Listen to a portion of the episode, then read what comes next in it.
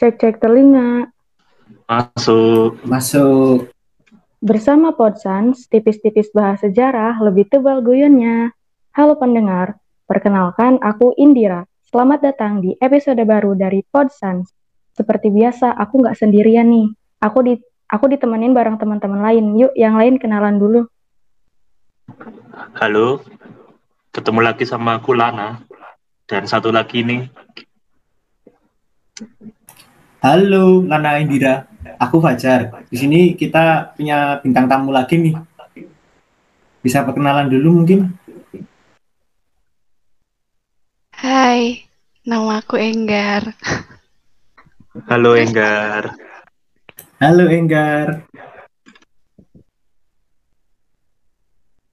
Oke, dalam episode kali ini kita bakal ngobrolin sesuatu yang cukup menarik nih bareng teman kita yang lolos dari Prodi Ilmu Sejarah UNY lewat jalur SNMPTN. Nanti kita bakal ngobrol banyak bareng dia tentang pengalamannya yang berhasil lulus dari jalur seleksi PTN yang banyak banget diimpiin orang-orang, yakni jalur SNMPTN. So, tanpa menunggu waktu lama, kita langsung mulai aja kali ya. Oke, sebelum mulai, mungkin aku mau ngucapin dulu ya, selamat datang buat mahasiswa baru ilmu sejarah UNJ ini udah nggak kerasa yang angkatan 20 udah punya adik tingkat lagi. Maba 2021 udah diumumkan kemarin uh, beberapa waktu yang lalu ini. Jadi cukup tepat sekali ini momentumnya. Kita mau bahas pengalaman sejarah bisa dibilang begitu ya sejarah dari Enggar ketika dia lolos 6 PTN. Bisa sharing-sharing gitu ceritanya saat lolos 6 PTN bisa ya mungkin biar tahu juga sama teman-teman maba dari angkatan 2021 ini. Yuk, Enggar bisa berbagi ceritanya. Iya, benar banget. Kita tuh angkatan 20 akhirnya punya adik tingkat gitu ya, angkatan 2021. Nggak kerasa cepet banget gitu. Oke, kita langsung aja kali ya sharing-sharing bareng teman kita. Aku mau nanya nih, gimana sih perasaan kamu waktu dinyatakan lolos seleksi SNMPTN di Ilmu Sejarah UNY? Cerita-cerita dong. Oke, jadi awal pengumuman itu kan jam 3 waktunya. Sebelumnya tuh aku belum sholat asar sih, terus kayak aku sebelum buka pengumuman aku sholat asar dulu menenangkan hati sih sebenarnya. Terus pas udah tenang sedikit tenang kayak berani buat buka. Terus kan kayak apa sih link-linknya itu kan banyak banget dan nggak bisa diakses karena terlalu banyak yang akses. Aku coba untuk pilih link yang paling kemungkinan paling nggak nggak nggak banyak dibuka terus aku berani buka dan ternyata nama aku lolos. Pertamanya diem dulu nggak tahu mau mau mau seneng atau sedih tuh nggak tahu. Terus pas kirim kirim hasilnya ke keluarga dan keluarga ternyata support akhirnya di situlah aku menentukan kalau ini jalanku dan aku bahagia banget. Kayak gitu sih. Wah mantep juga gitu ya. Kayak akhirnya bisa dinyatakan lolos lewat jalur SNMPTN yang banyak banget kan diimpiin banyak orang gitu. Um, alasan kamu pilih sejarah WNY itu apa sih? Awalnya tuh karena kakak kelas, riwayat kakak kelas di SMA aku tuh ada yang keterima juga di SNMPTN Ilmu Sejarah. Terus katanya kalau ada riwayat kakak kelas kayak gitu, peluang untuk masuknya tuh juga banyak. Makanya aku pilih ilmu sejarah karena pertama nilai sejarahku di SMA tuh lumayan karena materinya juga masuk, gurunya juga enak, jadi kayak lebih suka aja belajar sejarah. Kurang lebih kayak gitu sih, Kak. Oke, mantap sekali Enggar. Lalu setelah dirimu itu dinyatakan lolos, hal apa saja yang kan yang Enggar lakukan selain mempersiapkan diri untuk PKKMB yang sebenarnya waktu itu kan masih cukup lama jarak antara SNM dan PKKMB gitu? Apakah ada mempersiapkan diri gitu?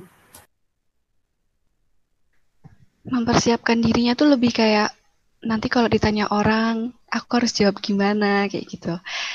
Nanti kalau aku jawabnya aku lolos nanti kalau yang nggak lolos kayak gimana perasaannya? Terus kalau aku keterima dan aku bilang aku lolos nanti kalau pertanyaan orang prospek pekerjaannya mau ke mana? Kayak gitu aku juga mikir sih sebenarnya.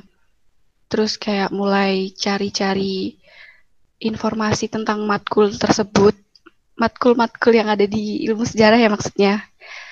Terus kepikiran untuk berani kalau ada orang yang jawab atau orang yang bertanya misalnya kamu kenapa kamu milih ini gitu aku akan jawab aku mau jadi guru. Aku mau jadi dosen kayak gitu sih kak. Oke oke bagus sekali ya. Uh, memang kalau terima SNM itu kita kadang agak canggung dengan teman kita sendiri yang nggak keterima gitu. Aku pun dulu juga ngerasain rasanya ditanya teman nggak keterima gitu. Soalnya aku juga dulu juga salah ngambil sih. Karena SNMPTN memang kan harus bener-bener pinter ngambil kan Oke lanjut uh, Enggar. Selama kamu di ilmu sejarah ini, apa sih yang udah kamu dapetin di ilsek ini, di ilmu sejarah, baik suka maupun duka gitu, mungkin tugas atau dapat nilai A dari dosen gitu? Untuk sukanya tuh aku dituntut untuk menulis. Kayak dulu mau nulis tuh kayak malas banget. Kayak nulis apa sih apa apa sih tugasnya apa apa, apa manfaatnya nulis kayak gitu tuh kayak nggak ada bayangan sama sekali. Tapi setelah masuk ini tuh kayak lebih diajarin buat menulis. Kalau menulis tuh ternyata juga ada manfaatnya. Terus ilmu sejarah tuh juga harusnya kan jadi sejarawan yang ya emang tugasnya menulis kayak gitu. Terus untuk dukanya ya memang harus otaknya untuk mengingat itu harus di, di gimana ya dikasih dikasih bumbu yang lebih lah. Soalnya kan ini lebih mengingat masa lalu ya dan masa lalu itu kan luas. Maka maka otaknya itu harus pinter-pinter untuk diolah supaya pintar mengingat dan nggak lupa detail-detail dari masa lalu yang sejarah pelajari. Ya bener banget sih ya, kalau misalnya di sejarah tuh banyak banget nulisnya. Terus banyak yang bilang juga katanya anak-anak sejarah tuh anak-anak yang susah move on. Gimana nih menurut kamu? Bener nggak kayak gitu? Dibilang move on sih, mungkin bener ya karena kayak ngapain ngungkit-ngungkit masa lalu. Tapi emang tugasnya ilmu sejarah juga mengungkit masa lalu yang perlu diungkit dan emang seru banget sih ternyata kak mengungkit masa lalu. mengungkit masa lalu untuk hal-hal yang ini ya eh, pengetahuan-pengetahuan di masa depan kayak gitu. Bukan bukan tentang sesuatu yang dalam tanda kutip yang bikin gagal move on gitu ya. Oke. Kalau menurut kamu kan kita udah jadi cutting nih asik banget jadi cutting. Angkatan 2020 udah punya adik tingkat ada nggak sih pesan-pesan buat maba 2021 bagi mereka yang udah dinyatakan lolos atau bagi mereka yang masih berjuang gitu buat dapetin kampus impian mereka? Menurut pengalamanku untuk pesan adik tingkatku ya jangan jangan mudah goyah.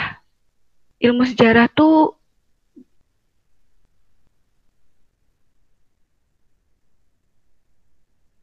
ilmu sejarah tuh punya masa depan juga kok. Bukan bukan berarti prospek kerjanya juga jelek atau buruk atau bahkan nggak ada.